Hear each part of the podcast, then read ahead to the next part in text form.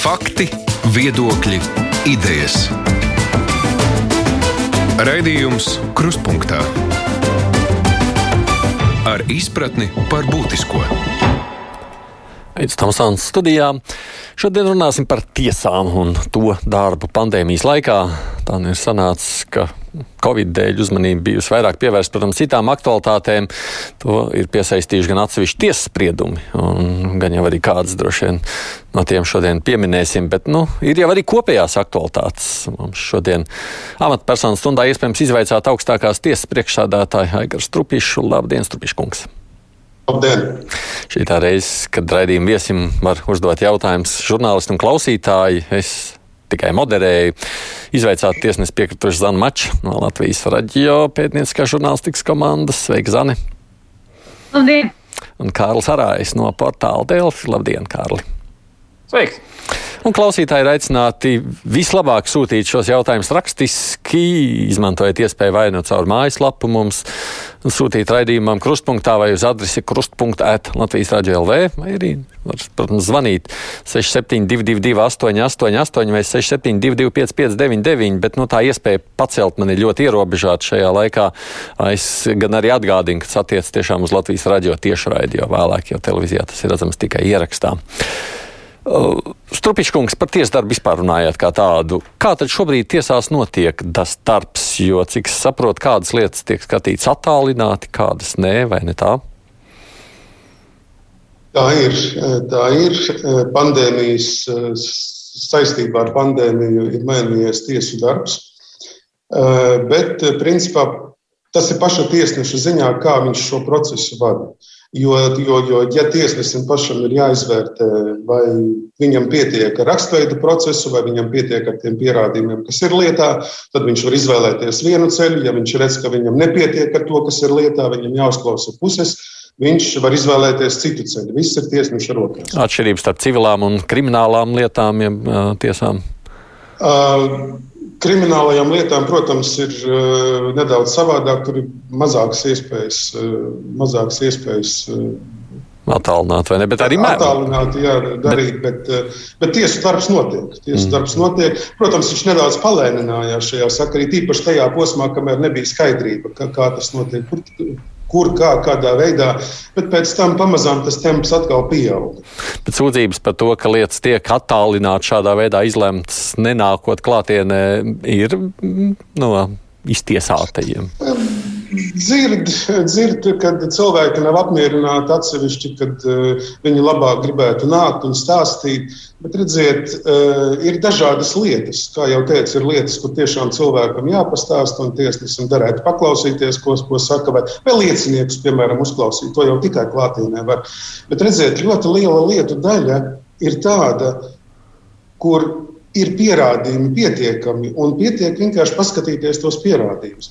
Un vispār tiesu sistēmā šo, šo būtu jāiet. Ka, ka maksimāli pusēm ir jāiesniedz visi pierādījumi. Es jau saprotu, ka cilvēkiem patīk varbūt uh, ka viņus uzklausa, viņiem patīk parunāties. Tāpēc psihologi kļūst ar vien populārāki ja, sabiedrībā. Bet, eh, bet tiesa ir tiesa. Tiesa darbojas tikai ar pierādījumiem. Ar vārdiem vien nepietiek. Un tāpēc, ja abas puses iesniedz pierādījumus, ar to principā vajadzētu pietikt. Jūs sakāt, ka arī pēc pandēmijas šāda veida praksa varētu turpināties? Nu, ne tādā apmērā kā pandēmijas laikā, bet es pieļauju, ka var būt. Mm -hmm. Varbūt par to mēs domāsim. Un š... Izpētīsim, izanalizēsim to, to tā, tās secinājumus, kas ir radušies pandēmijas gaitā, un skatīsimies. Jā, Zana. Jā, es uzreiz gribēju par to, par to mm, runāšanu un pierādījumiem, ka tiesa nav runāšana, bet pierādījuma vērtēšana. Jūs pats esat lietojis tādu terminu procesuālais huligānisms, nu, kas savā ziņā ir tā pārāk ilgā un daudz garā runāšana. Vai tad, teiksim, šī, šobrīd mēs varam teikt, ka šis procesuālais huligānisms tik daudz nenotiek, un līdz ar to mēs varam runāt par to, ka lietas Covid laikā tiek izskatītā, izskatītas raitāk? Raitāk, tādā, ja viņas nu, no, ir rakstveidā tiek izskatītas, tad raitāk. Bet mēdz gadīties situācijas, ka, piemēram, tiesnesis pasaka, izlēma skatīt tiešsaistē, un tad sākas tehniskas problēmas. Piemēram, viena no pusēm atslēdzas. Un tu jau nevari zināt, vai, vai viņš speciāli atslēdz, tāpēc, ka, viņam, ka viņš redz, ka tas process aiziet nelabvēlīgā gultnē vai kā savādāk. Ja? Tur, ir, tur ir ļoti daudz dažādu aspektu tam visam apkārt. Tā kā vienas atbildes te nav, bet skatīsimies, pētīsim. Raitāk notiek rakstveida process, pilnīgi viennozīmīgi, jo rakstveida procesos procesuālais huligānisms principiāli nav iespējams. Nu jā, tā vairāk runāt par kriminālu procesiem. Visdrīzāk, vismaz tā, iepriekš es izteicos, ka pie krimināla procesa, kurš ir tāds debats, tā tālāk, jā. -hmm. Kārli, tu gribēji ko prasīt? Bet, jā, jūs te, mēs runājam par attālinātiem procesiem visiem, bet, lai tie notiktu, ir jābūt tehnikai. Un es diezgan daudz no advokātiem dzirdēju tieši, ka reģionu tiesās ir problēma ar šo te, ka Nepietiek tā tehnika, un sēdes ļoti bieži tiek pārceltas. Diezgan nu, arī uz četriem mēnešiem, pēc sešiem mēnešiem, ja vienkārši ir izveidojusies rinda uz šo attālināto sēdi. Un, nu, vai tas kaut kādā veidā tiek risināts? Redziet, šobrīd ir, šobrīd ir tā problēma, ka augstākā tiesa ir atsevišķa no pirmās, otrās instances tiesām. Jo augstākā tiesa ir sava administrācija, pirmās, otrās instances tiesu administrē un tehniski nodrošina tiesu administrācija, kas ir Tieslietu ministrijas pakļautībā. Līdz ar to mm, šajā te, teiksim, trīs stūrī, ja tieslietu padome, tiesu administrācija, tieslietu četru stūrī faktiski tieslietu ministrija un tiesas, e, ir zināma problēma ar informācijas apriti. Ja? E, piemēram, Tieslietu padomē, tieslietu padomē neviena tiesa nav vērsusies un teikusi, ka mums ir problēmas ar tehniku, mēs nevaram nodrošināt nodrošināt eh, šo eh, video konferenci tiesvedībā. Ja viņi būtu vērsušies Tieslietu padomē, mēs vērstos pie tiesu administrācijas to jautājumu risināt. Bet Tieslietu padomē neviens par to nav vērsies. Advokāti arī nav vērsušies. Advokāti arī nav vērsušies. Jo Tieslietu padome ir tā vieta, kam tas būtu jārisina. Jo, ja, ja mums nav informācijas, mēs arī nevaram risināt. Runājot par šo teikt. Es pieļauju, ka kaut kāda informācija varētu būt gājusi patiešo uz Tieslietu ministriju, tiesu administrāciju. To es nemāku pateikt, bet paldies par informāciju. To es mēģināšu noskaidrot šobrīd. Runājot par šo procesālo huligānismu, te prasa, kā jūs, kādi pasākumi tiek plānoti, lai turpinātu cīņu ar to arī civillietās, kur novilcina šo lietas izskatīšanu. Kā jūs vispār vērtējat arī tiesnešu kultūro procesuālo sankciju piemērošanu pat gadījumos, ka tiesa konstatē, nu jā, patiešām ļaunprātīgi tiek izmantots, bet sankcijas netiek piemērotas? Nu, slikti. Tāpēc jau sankcijas ir paredzētas, lai viņas piemērotu. Un, redziet, Ehm, lietu vilcināšana reizē notiek arī ar pierādījumu iesniegšanu. Un tiesnešu vidū jau gadiem, gadiem notiek eh, diskusija par to, kā piemērot vienu civilu procesu pantu, kurš nosaka, ka uh, apelācijas instancē pierādījumus var iesniegt, drīkst iesniegt tikai tad, ja tos nebija iespējams iesniegt pirmās instances tiesā. Nu, mērķis ir acīm redzami skaidrs. Tātad, lai, viss, lai pirmās instances tiesē izskata visu pilnā komplektā, un apelācijas instance tikai izlabo kļūdas, ja tādas ir bijušas. Bet ilgus gadus mums ir veidojusies tāda praksa, absolūti nepieņemama un nepareiza praksa, ka, un, un, un to starp citu arī sekmējušas eh, puses galvenokārt, ka pirmo instanci uzskata par tādu, nu, galvenais tikt cauri pirmā, un tad otrajā mēs sāksim tiesāties. Ja? Nē, tā ir vienkārši valsts resursu izšķērdēšana, ja, jo lietai jābūt izskatītāji pilnā apmērā pirmajā instancē. Bet tagad rodas problēma ar šā panta interpretāciju. Daļa tiesnešu, kuri ir tādā filozofiskā uztverē, kur uzskata, ka viņiem jānoskaidro absolūtā patiesība, ja, viņi pieņem apelācijas instancē šos pierādījumus un uzliek sankciju par to, ka nu, ka ir pārkāpts likums un nav mm -hmm. iesniegts pirmajā mm -hmm. instancē. Citi tiesneši to tulko ļoti strikti un nepieņem ar argumentāciju, ka, draugs mīļais, tu pats pirmajā instancē esi atteicies no šīs tiesības iesniegt šos pierādījumus. Lai gan tev viņi bija, tu viņus neiesniedzi, un tu pats ar to esi atteicies no šīs tiesības. No likuma mērķa viedokļa taisnība ir otrība. Jo tāds jau bija likuma mērķis. Ja tu, ne, ja tu netiesājies uz pilnu klapu par 100% pirmajā instancē, tad otrajā vairs nevari paplašināt neko. Izņemot gadījumu, ja tiešām parādās kaut kas, kas nebija zināms pirmajā instancē. Nu, nebija zināms tā, par tādu dokumentu esamību, piemēram. Ja? Mm. Gadās, gadās ja? bet, bet tas tā nav visos gadījumos. Nu, lūk, mums tagad arī tiesnešu starpā par šo jautājumu ir jāvienojas. Ir jāvienojas un jāiet viens stabils ceļš, lai, lai, lai, lai šo tiesvedību sakārtotu. Un kā sācīja, kā, kā pusē nostājas tādā situācijā, ja lieta aiziet līdz kasācijai? Arī kasācijā viedokļi dalās šobrīd. Un dalās tomēr. No nu, dalās, jā, bet es neteikšu, kamēr mēs neesam šo jautājumu lēmuši, lēmuši iespējams To vajadzēs skatīt ehm, civilietu departamenta kopsēdē, senātā. Tad tas kopsēdes lēmums parādīs to vienoto viedokli, kas ir kasācijas instance. Okay. Labi, kolēģi, jums iespēja jautāt par jebkādu tematiku. Kārlijā. Tik, jūs tikko tieši pieskārāties, ka daudz uzskata nu, to pirmo instanci, ka tā ir tā izējama cauri un ejam uz apelāciju. Bet uh, objektīvi, nu, tomēr zināma daļa tās pirmās instances sprieduma apelācijā tiek atcelti. Un, nu, tā arī ir tā sūdzība, kas izskanējusi bieži no dažādām pusēm, kad ir jāceļ rajona līmeņa tiesas spriedumi. Pats esat minējis, agrāk, kad, tad, kad atceltie tie ir biežāk nekvalitīvas izskatīšanas dēļ. Kas tad tiek darīts? Teiksim, nu, jūs jau gandrīz arī gadu esat jaunā iemetā. Kas tad ir darīts, lai celtu šo pirmās instances līmeņa tiesas spriedumu kvalitāti?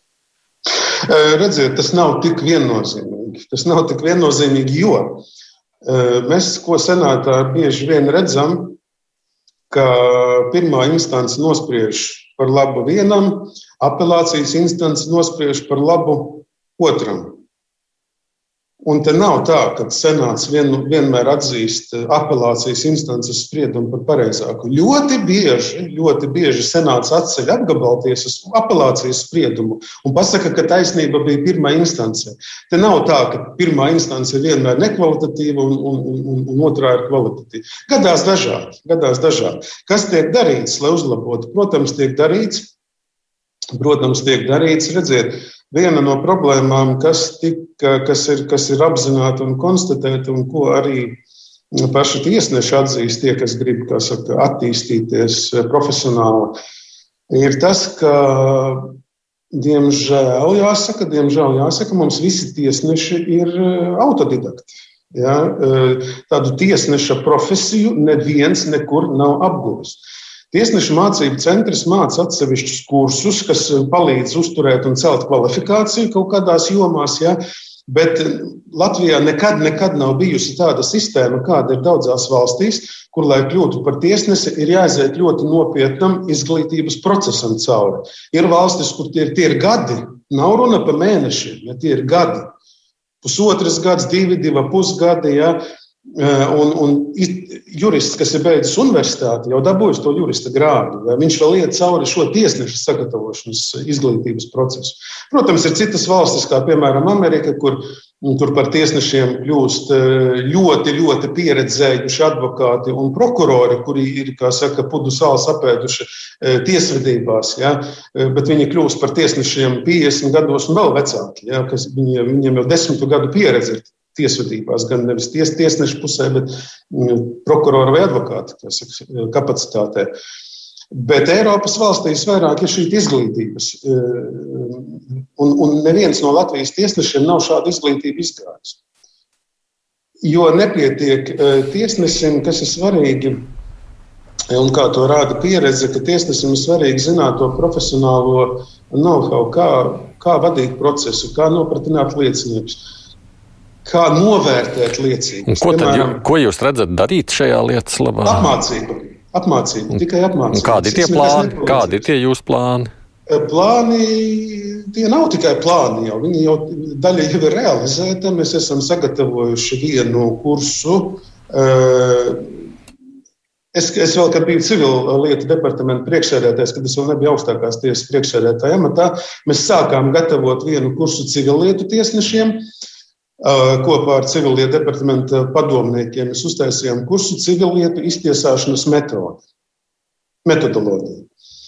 Uh, ir šis kurs nolasīts pirmajai grupai civilietu tiesnešu, uh, kas bija pozitīvi, kas, kas parādīja to nepieciešamību. Tad, kad šis kurs tika izsludināts, izziņots, ka tāds notiks, tur bija tikai 40 vietas. Un divu stundu laikā šis kurs tika izķerts kā karsta pīrādziņa. Tiesneši izķēra visas vietas un pat paņēma beigās vēl vairāk. Man liekas, beigās bija 50 cilvēki nu, tajā kursā. Kas parāda, ka tiesneši apzinās, ka tas ir nepieciešams, ka tā ir ļoti liela nepieciešamība pēc šāda kursa. Šis kurs tiks atkārtots, protams, varēs pieteikties tie, kas netika uz to pirmo. Eh, pirmo daļu, un šis kurs tika nolasīts. Es arī ar, ar, ar, ar, ar eh, padomniekiem eh, nolasījām šo kursu, novadījām ekonomisko lietu tiesnešiem. Ja. Tas jau notiek. Tālāk mēs līdz rudenim, pavasaru šo kursu adaptēsim administratīvajām tiesām, ja, administratīviem tiesnešiem. Un e, kaut kur nedaudz tālākā nākotnē to vajadzētu arī e, adaptēt krimināla, tie, krimināla procesā, krimināla tiesā. Jo bez apmācības tas nestrādās. Tur tiešām vajag šo sistēmisku apmācību. Plus lielais plāns, lielais plāns, kas man ir kā tieslietu padomus priekšsēdētājiem, ir izveidot vienu stabilu, skaidru tiesnešu apmācības sistēmu, kur viņi plānveidīgi, plānveidīgi tiek apmācīti jau no paša sākuma. Tikko viņš kļūst par tiesnesi, viņam ir ilgstošs apmācības periods. Nevis tā kā, piemēram, ekonomisko lietu tiesē, tur viens mēnesis vai pusotrs mēnesis, ja? bet nu, nopietnis pusgadu, gadu kā minimums. Mm, okay. Tā varētu būt tā tieslietu akadēmija. Jā. Zani. Jā, es jūs jau pieminējāt to ekonomisko, ekonomisko lietu tiesu. Nu, jums, jums ir bijis arī, nu, ne tikai jums, bet tiesas padomē, kā tāda ir bijis viedoklis arī par šīs tiesas izveidi. Jūs teicat, ka viņi nedaudz tā kā pasasteigtu un arī tie kandidāti tiesneši ir atrasēti pārāk sasteigti. Uh, Es skatījos, nu, mēnesi apmēram strādājot, paskatījos tiesu kalendārā, ka tur ir um, cilvēku neviena nav, bet ir krimināla lietas, kuras šobrīd tiesneši skata, visas skata slēgtās tiesas sēdēs. Līdz ar to nav iespējams aiziet paskatīties, kā eh, šī tiesa strādā, nu, tā klausītājiem no malas nejuristam, bet nu, tagad mēnesi viņi strādā kāds varbūt ir šobrīd jūsu viedoklis par šo tiesu, vai jau ir varbūt viņš kaut kādā veidā mainījies, nav mainījies, ir kaut kādas atsauksmes, vērtējums, nu, sprieduma, es saprotu, neviena viņiem vēl nav.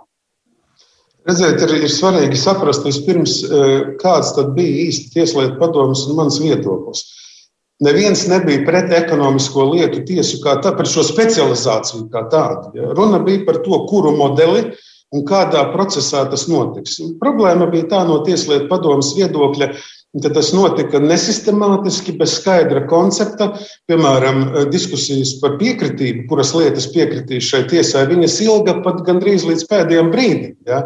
Gandrīz līdz pēdējiem brīdim, un tie cilvēki, kuri pieteicās, Viņi, viņi pat nezināja, vai būs kaut kāda specializācija kaut vai krimināla un civillietās. Beigās izrādījās, ka nebūs tāda specializācija, ka viņi visi skatīs gan kriminālu, gan civillietas, kas, kas, kas bija arī viņiem pārsteigums. Ja, līdz ar to par to sasteigtību un līdz galam neizdomāšanu bija tie iebildumi. Par to specializāciju. Specializācija ir, kā jau es esmu teicis, daudzkārt ir laba lieta. Ir laba lieta līdz zināmai robežai, kamēr aiz tās specializācijas ne, nepazūd kopējā aina. Par to atlase notika Nu, diezgan, diezgan, diezgan steigā, protams, bet lielākā problēma ir nevis atlase. Lielākā problēma ir tas, ka apmācība nebija, nebija pietiekami adekvāti nodrošināta un nebija paredzēta jau sākumā. Jo par apmācību sāka domāt tikai februārī, kaut kur, manuprāt. Martā bija jau jāsāk viņu apmācīt, un, un, un es atceros, mēs paši vēl tur diskutējām, ko kā. Tiesneši daudz tika atrauti no ikdienas darbiem, lai, lai, lai varētu apmācīt šos jaunos kolēģus. Es pats iesaistījos vairākas eh, nodarbības, man ar viņiem bija divas pilnas dienas, gandrīz ar viņiem nodarbībās pavadīju. Kā tiesneši, kā profesionāli, kā juristi, viņi, viņi ir labi. Viņi ir labi, jo no simts tomēr atlasīt desmit ir, tas, tas parāda, ka ir ok. Eh, par to problēma nav. Par to problēma nav kā jūs teicāt, arī to procesa vadīšanu. Nu, jurists ir jurists, ne katrs, eh, nu, ja viņš tiesā nekad nav bijis par to, kā viņš vada to procesu, kā viņš, eh, kā jūs teicāt, jūt tos pierādījumus, zina, kā viņus pārbaudīt un tā tālāk. Ja viņam, viņam nav tādas prakses, kā tiesas ir bijis vispār. Nu, tas ir lielā mērā individuāls jautājums. Ir cilvēki, kuri, kuri ātrāk to apķers, cilvēki, kuri to lēnāk. Nu, redzēsim, šobrīd, šobrīd man tiešām ir kaut kas absolūti grūti prognozēt par, par, par, šo, par, par, par tiesu kā tādu. Es nevaru neko ne labu, ne sliktu teikt ne par kvalitāti, ne par ko. Tas, ko es redzu, kā jau teicu, tiesneši ir profesionāli labi juristi. Jā, labi juristi. To es pats eh, nodarbībās esmu saka, konstatējis un pārbaudījis. Bet eh, kā viņiem veiksies, to mēs redzēsim. Jo, kā jau es teicu, Tieslietu padomus sēdē vienā, ja, kad ar šo tiesas izveidošanu jau nekas vēl nav izdarīts. Ja, būtībā darbs tikai sākas. Ja, un pirmos augļus mēs redzēsim, es teiktu, pēc pusgada, pirmos tādus ļoti aptuvenos, ja, bet tādus nopietnākus, kā minimums pēc gada. Es par naudas lietām te runājot, Raimons prasa, kā jūs vērtējat, kāpēc Latvijā ir tik maigi sodi nodokļu krāpšanas un nemaksāšanas lietās? Vai mums likumus vajag mainīt vai kā citādi, jo ir taču, piemēram, Skandināvijā nodokļu nemaksāšana kā smags noziegums, jo cietušais visa sabiedrība. Latvijā mums lielā ekonomika, aploksņa algas mērāms miljardās, bet mēs esam ļoti maigi šajās sūtās. Uh, daļēji likumi daļēji likumi, daļēji, daļēji varbūt tā īsti neizpratne par nozieguma uh, bīstamību. Jo, redziet, tas pats, starp citu, attiecas arī uz koruptīvajiem noziegumiem. Ja, jo, un, un saimnieciskajiem, ne tikai par nodokļiem. Jo liela daļa tiesnešu ir kaut kā laikam pieraduši pie tā, ka nu, tie īstie noziegumi tie ir nu, slepkavība skaidrs. Tur, tur, tur var nopietnu sodu vai tur, um, smagi miesas bojājumi vai kaut kas tāds. Mm, bet nu, korupcija, kur tad tas cietušais? Nu, nu, korupcija nu, paslīdēja cilvēkam, kā jau kaut ko paņēma. Bet, tā ir neizpratne par nozieguma būtību. Jo faktiski korupcija ir daudz nopietnāks noziegums par jebkuru slepkavību, jo tas grauj pašus valsts pamatus. Ja? Un tas ir tas, kas arī apmācību procesā ir, ir, ir, ir, ir, ir jāmāca, jāmāca, jāmāca. Kad, Kad tas, ka tu neredzi to cietušo, ja, tev nav līdzjūtība pret šo cietušo fizisko personu, kurš ir tur vai nu viņam miesas bojājumi nodarīts, vai, vai izvarošana, ja, kad, kad tev rodas kaut kāda līdzjūtība. Eh, tiesneša amats nav līdzjūtības amats. Ja, viņam ir jāspēj novērtēt tā sabiedriskā bīstamība. Un tas attiecas teiksim, uz, uz naudas atmazgāšanu, uz nodokļiem, uz koruptīviem noziegumiem. Tur, tur tiešām tiem sodiem ir jābūt, jābūt daudz nopietnākiem. Un, un otrs, aspekts, otrs aspekts, protams, ir, mm, tur vajadzētu arī darboties, darboties senātam, kā kasācijas instancē, un vismaz tādā vadlīniju līmenī mm, kaut kā, kaut kā dot tās norādes, varbūt kā, kā tiesas prakses apkopojumu formātā vai citādi, ja, kad, kā vajadzētu darīt. Ir iespējas iztaujāt augstākās tiesas priekšēdētāja Egārs Trupišs šajā stundā. Un kolēģi iesaistījušies tāpat tās Kārlis Arājs no portāla Delta, Zana Mačs, Latvijas raidījā viens. Un klausītāji arī, protams, aicināti ir zvanīt vai labāk tomēr rakstīt un uzdot savus jautājumus. Raidījums Krustpunktā. Man te vēl viens klausītājs prasa, lūdzu, pajautājiet, ko augstākās tiesas vadītājs domā par vakardienas ziņu, ka ekonomisko lietu tiesnesis var saglabāt arī maksāt nespējas administrātora amatu. Šo jautājumu es nekomentēšu, jo šis ir tiesvedības procesā šobrīd. Un, ja kas, ko es pateikšu, var tikt iztulkots kā spiediens uz administratīvo tiesu, kura skatīs šo jautājumu pēc būtības. Okay, Man jābūt ļoti uzmanīgam ar šādiem izteikumiem. Labi, ņemam tā vērā, respektējam kolēģi. Jā, Zane. Tikai mikrofons. Jā. Mhm. A, jā. Var ies prasīt, jā? Jā, jā. Vai, jā. droši, droši. À, nevar to tur es nevaru saprast, kurš runā. Kurš uh, jā, nu, jā, tas, ko es vēl gribēju pajautāt, runājot par tas, ko iesākām par kvalitāti un tam līdzīgi runāt. Tad, eh, tagad, tagad bija tā nu, bēdīgi slavenā pirmās instances Sasinovska un Magoņa krimināla lietas pirmais spriedums. Tad nu, gan sabiedrībai bija neizpratne, arī atsevišķi politiķi izteicās eh, dažādi par šo spriedumu. Jūs teicāt, ka, nu, ka, iespējams šī lieta varētu parādīt, vai eh, tā problēma ir bijusi ar izmeklēšanu vai ar tiesas darbu vērtējot šo lietu pirmajai instancē. Bet nu, vispār, ja mēs skatāmies uz, eh, uz tām lietām, tām skaļajām lietām vai tām lietām, kuras ir nonākušas mediju redzeslokā un kuras tā vai citādāk ir, nu, mēs to saucam par izgāšanos, nu, jo, teiksim, nav tas rezultāts tāds, kādu sabiedrība varbūt grib redzēt un dzirdēt. Kā jums liekas, kas ir para, parasti tie iemesli? Nu, tā ir tāpēc, ka ir tā, tā pierādījuma vākšana, izmeklēšanas procesā nav bijusi kā nākas, ir jāstiprina tur, teiksim, tas, par ko jau diezgan sen runā prokuratūras uzraudzība, jau uzreiz sākotnēji lietu izmeklējot, vai tomēr ir arī šie tiesas brāļi. Nu, kas pamatā ir tie iemesli, kāpēc nav tas rezultāts tāds, kādu mēs varbūt gribam, vai arī tur tiešām viss ir tā kā kārtībā? Jūs jau visus nosaucāt. Gadās gan izmeklēšanas brāķis, gadās gan apsūdzības brāķis, gadās tiesas brāķis. Ja?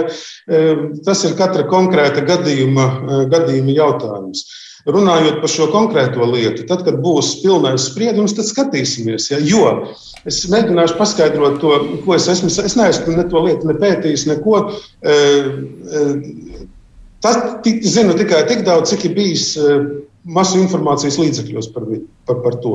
Ir īpaši tas, kas bija tā pirmā relīze, ja, kas bija palaista, no kuras jau varēja redzēt to tā saucamo spriedumu ratio decidendi, ja, to, to spriedumu būtību, kāpēc spriedums ir tieši tāds un savādāks.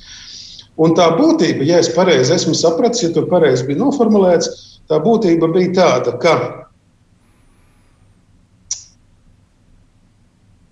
tā tad nav pierādīts, ka par šo naudu, par naudas nu, faktu neviens nestrīdās. Jā, liela nauda bagažniekā, ok. Bet kas tika pateikts, ka nav pierādīts, kas par šo naudu tika nopirkts, kāds lēmums tika nopirkts par šo naudu.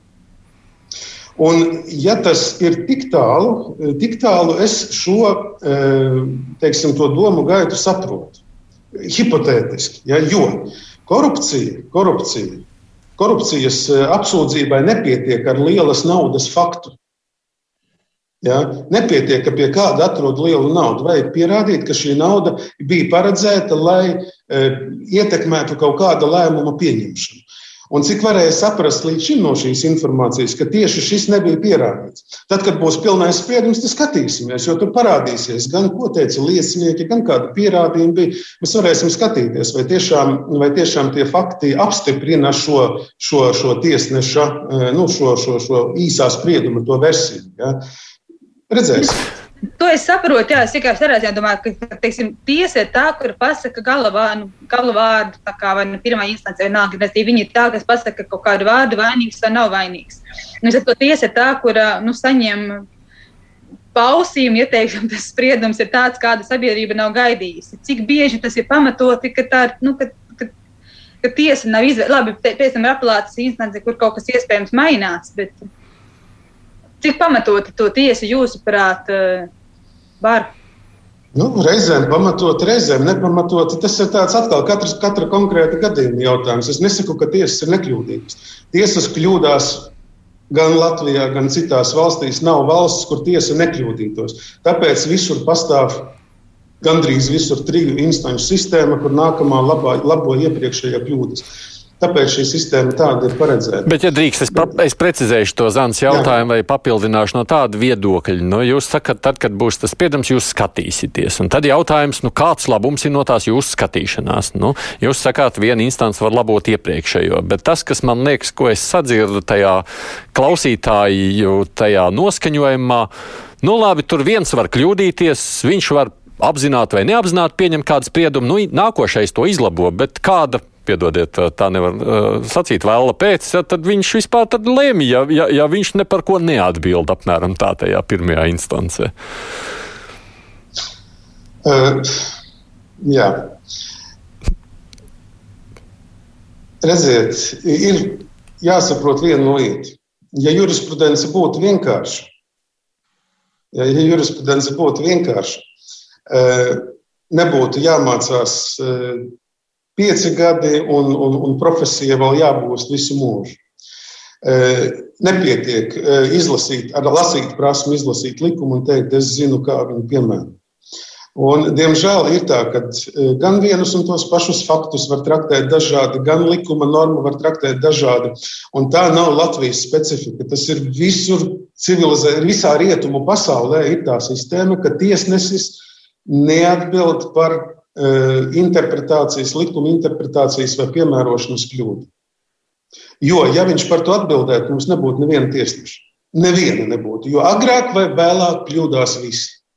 Agrāk vai vēlāk kļūdās visi. Um,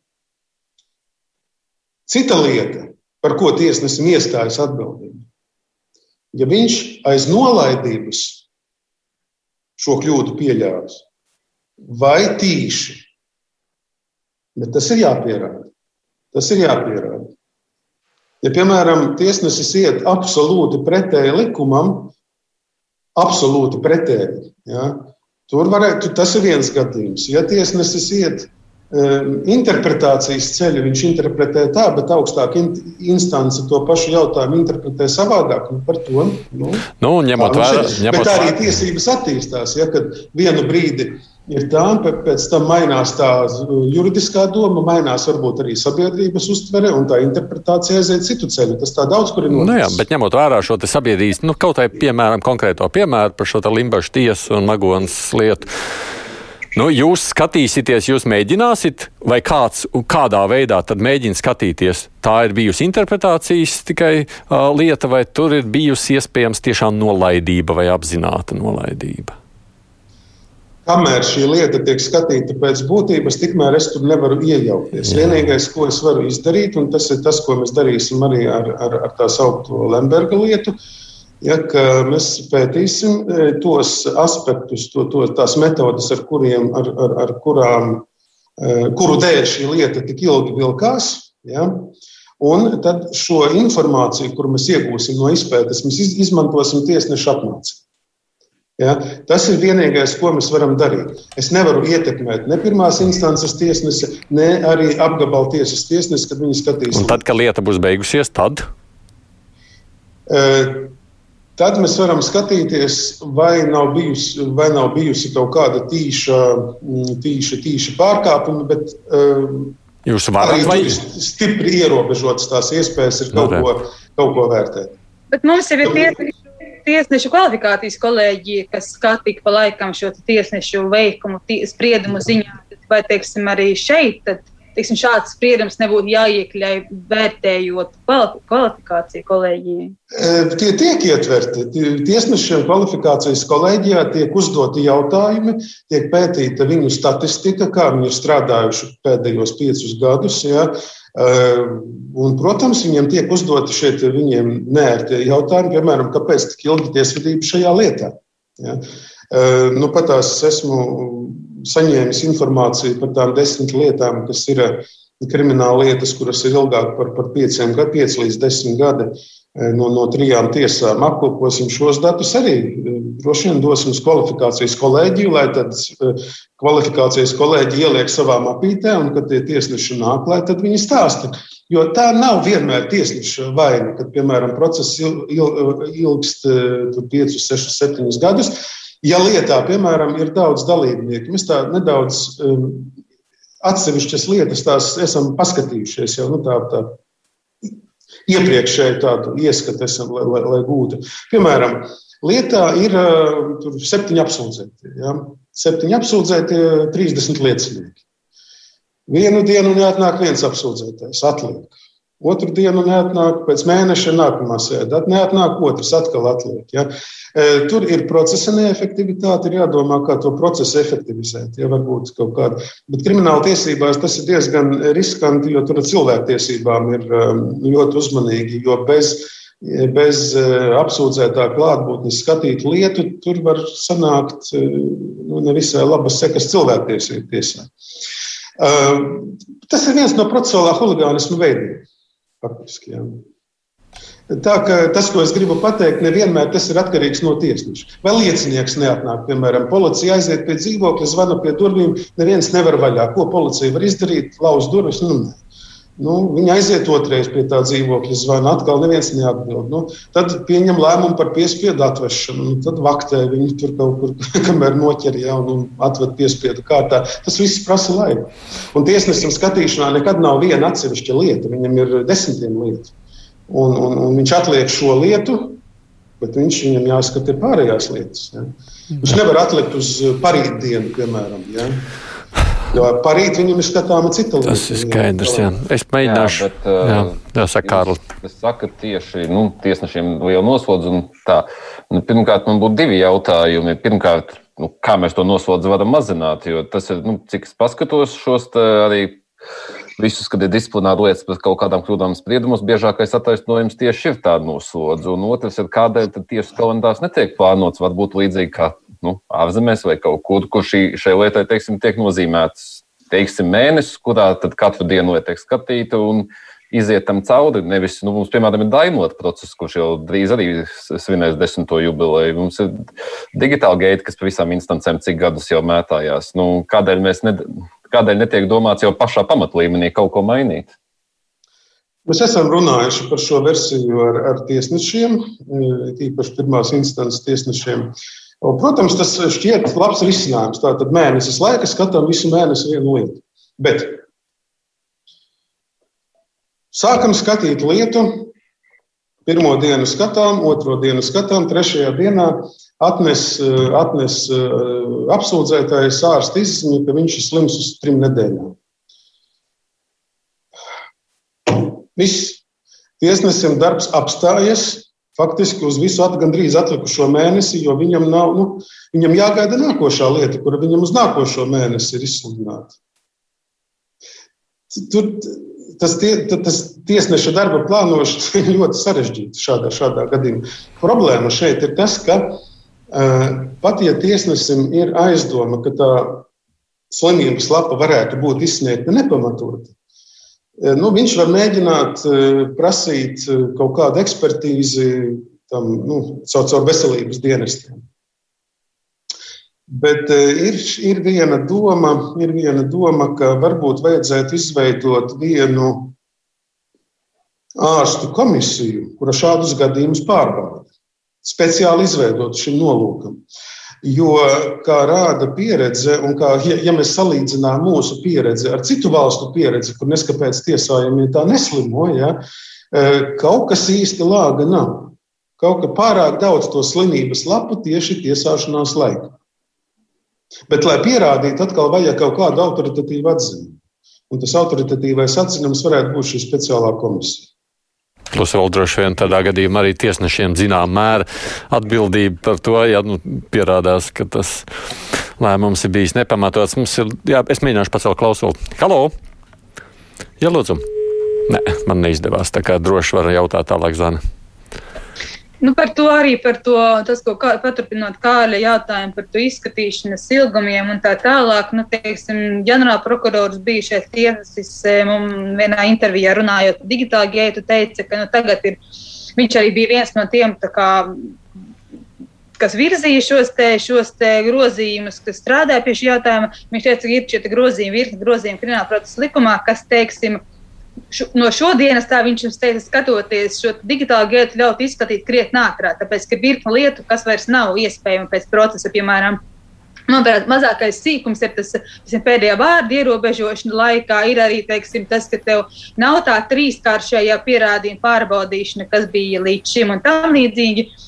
Vai jūs tam piekrītat, ka teiksim, tagad ir kaut kāda viena tā bremze, kas mums ļāva vilkt iespējams profesionāliem huligāniem, vai varbūt ne tikai viņiem šo procesu, vai tas atrisinās kaut ko, vai jūs piekrītat tam, ka tagad e, šīs lietas likum, likumā vairs nav problēma, lai šīs lietas skatītu raiti? E, daļēji, protams, atrisinās. E, kā minimums daļēji, ja, jo tie grozījumi bija ļoti normāli vērsti uz labu mērķi. Uh, Un, un, un daudz kas tiks sasniegts. Vienīgais, kam es īsti negribētu piekrist, ka arī līdz šim e, nevarēja ierobežot, piemēram, to pēdējo vārdu vai, vai, vai, vai debatas. Ja?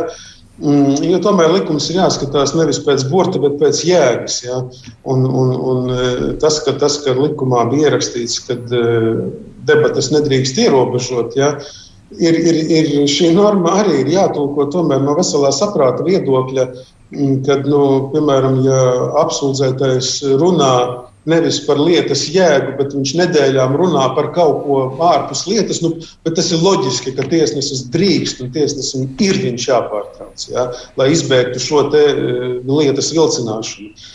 Jo debates, debates pēc definīcijas ir tikai par lietu.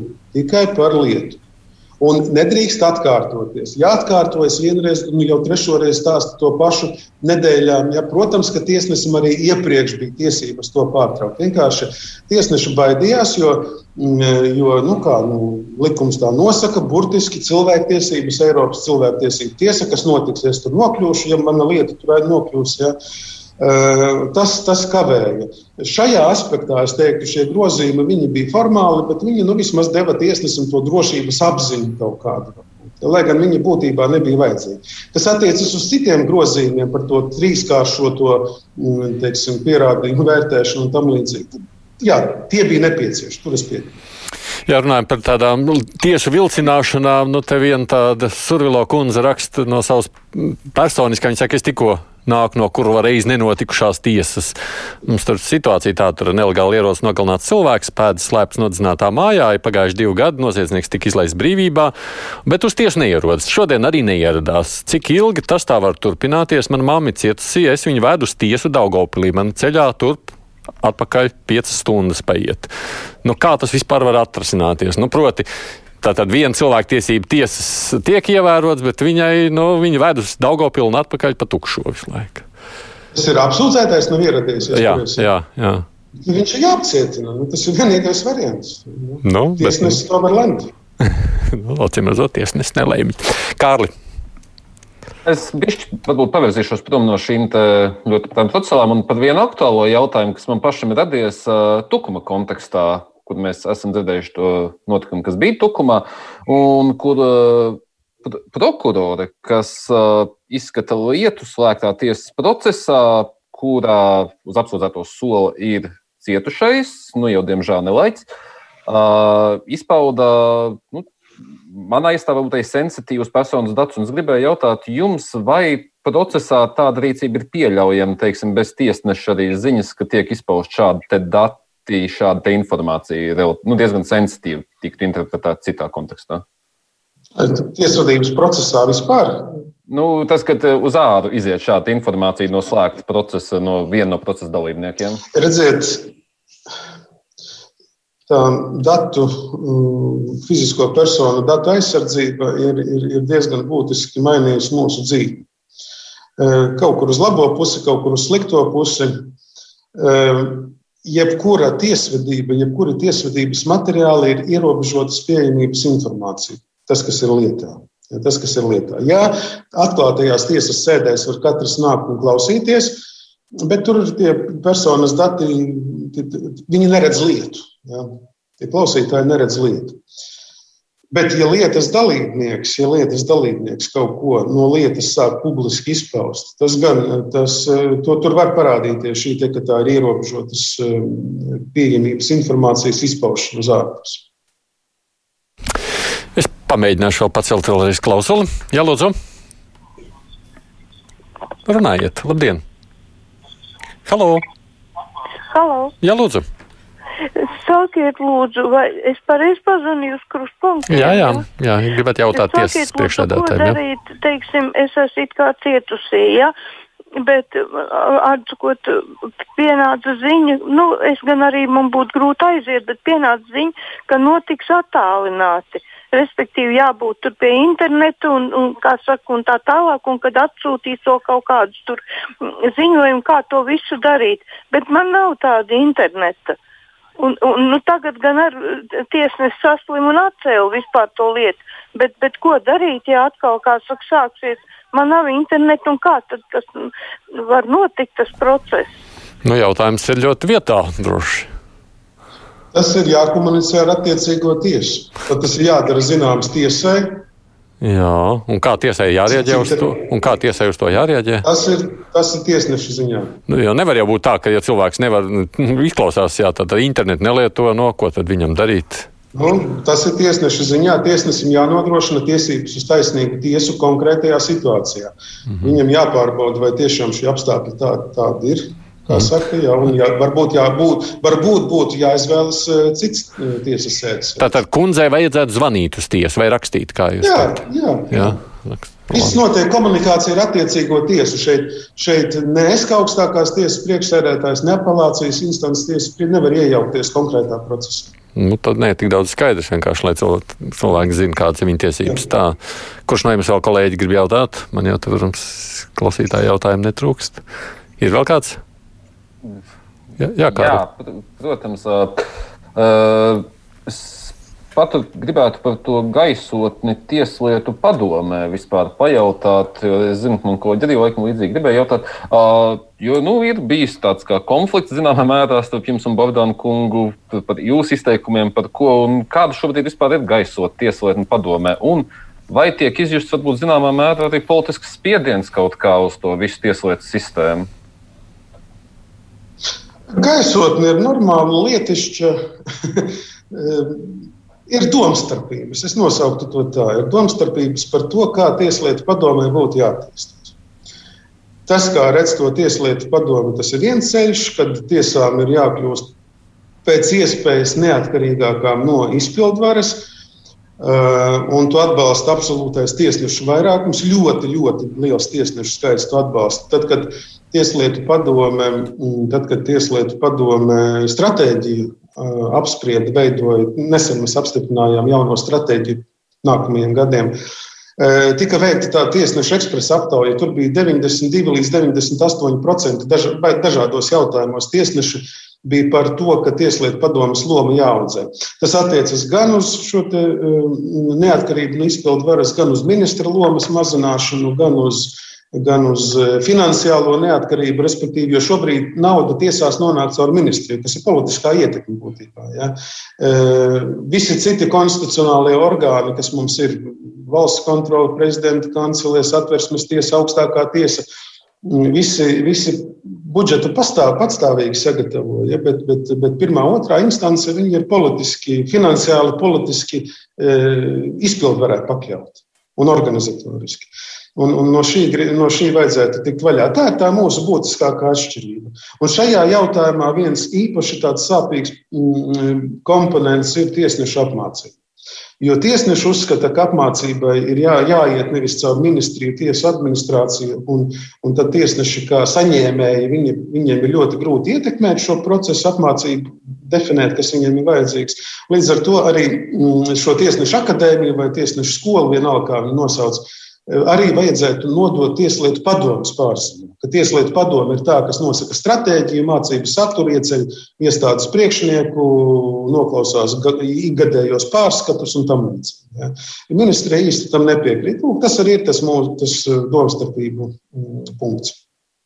Bet jums jau bija tāda viena brīdi doma, ka vajadzētu atteikties no Nu, ir tā kā sadalīt šo tieslietu padomu tā tādās divās kategorijās. Viena, kur ir tikai tikai juristi, tikai tiesneši, kas, kas tiesu sistēmai piedarīgie, kuri teiksim, kaut kāds jautājums risina, un tad, kad ir nepieciešamība, tad pieaicina tiesēt ministru un attiecīgi juridiskās komisijas uh, priekšredātāji piedalīties.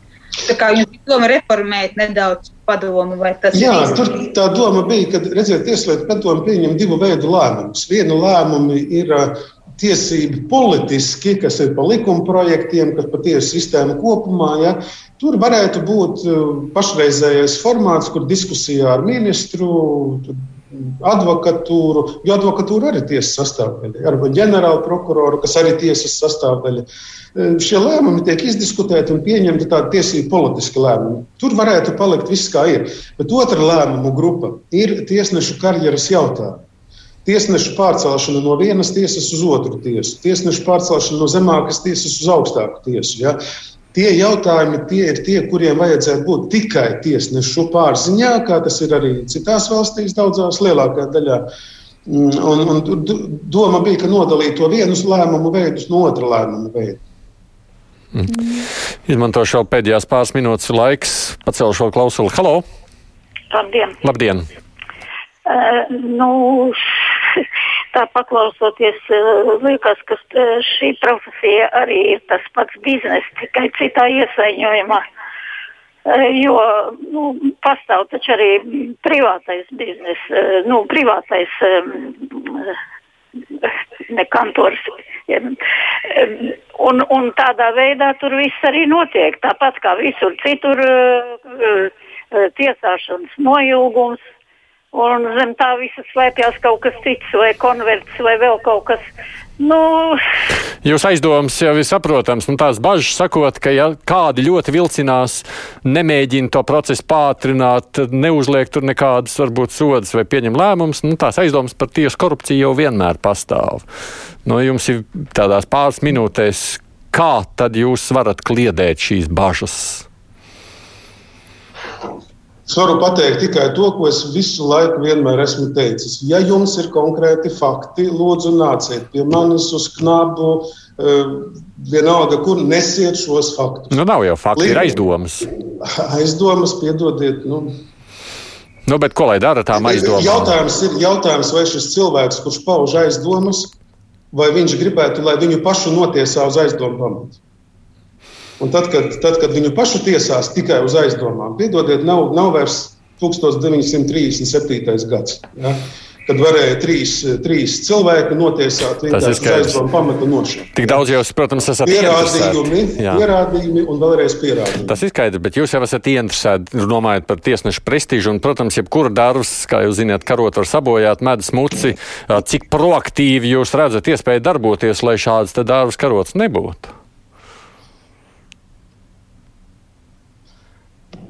Kvalifikācijas kolēģijas darbu uzlabošanu, lai tiešām tiktu, eh, tiktu, tiktu vērtēta profesionalitāte.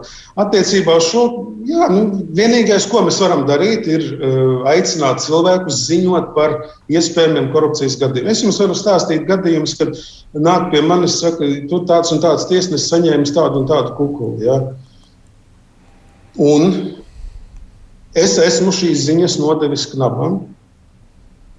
Ja, knaps darbojas tātad. Bet tiesu sistēmai pašai nav nekāda izmeklēšanas iespēja pret saviem tiesnešiem. Un nevienu tiesnesi uz aizdomu pamata nevar, nevar ne atcelt, ne sodīt, ne nekā citā. Engars Strupišs ir augstākās tiesas priekšsādātājs. Paldies par stundu veltīto laiku Latvijas radio mums ēterā televīzijas ēterā. Zana Mačs, Latvijas radio kolēģi, Kārlis Arājs no portāla Delfi. Paldies arī jums par iesaistīšanos šīs dienas raidījumā.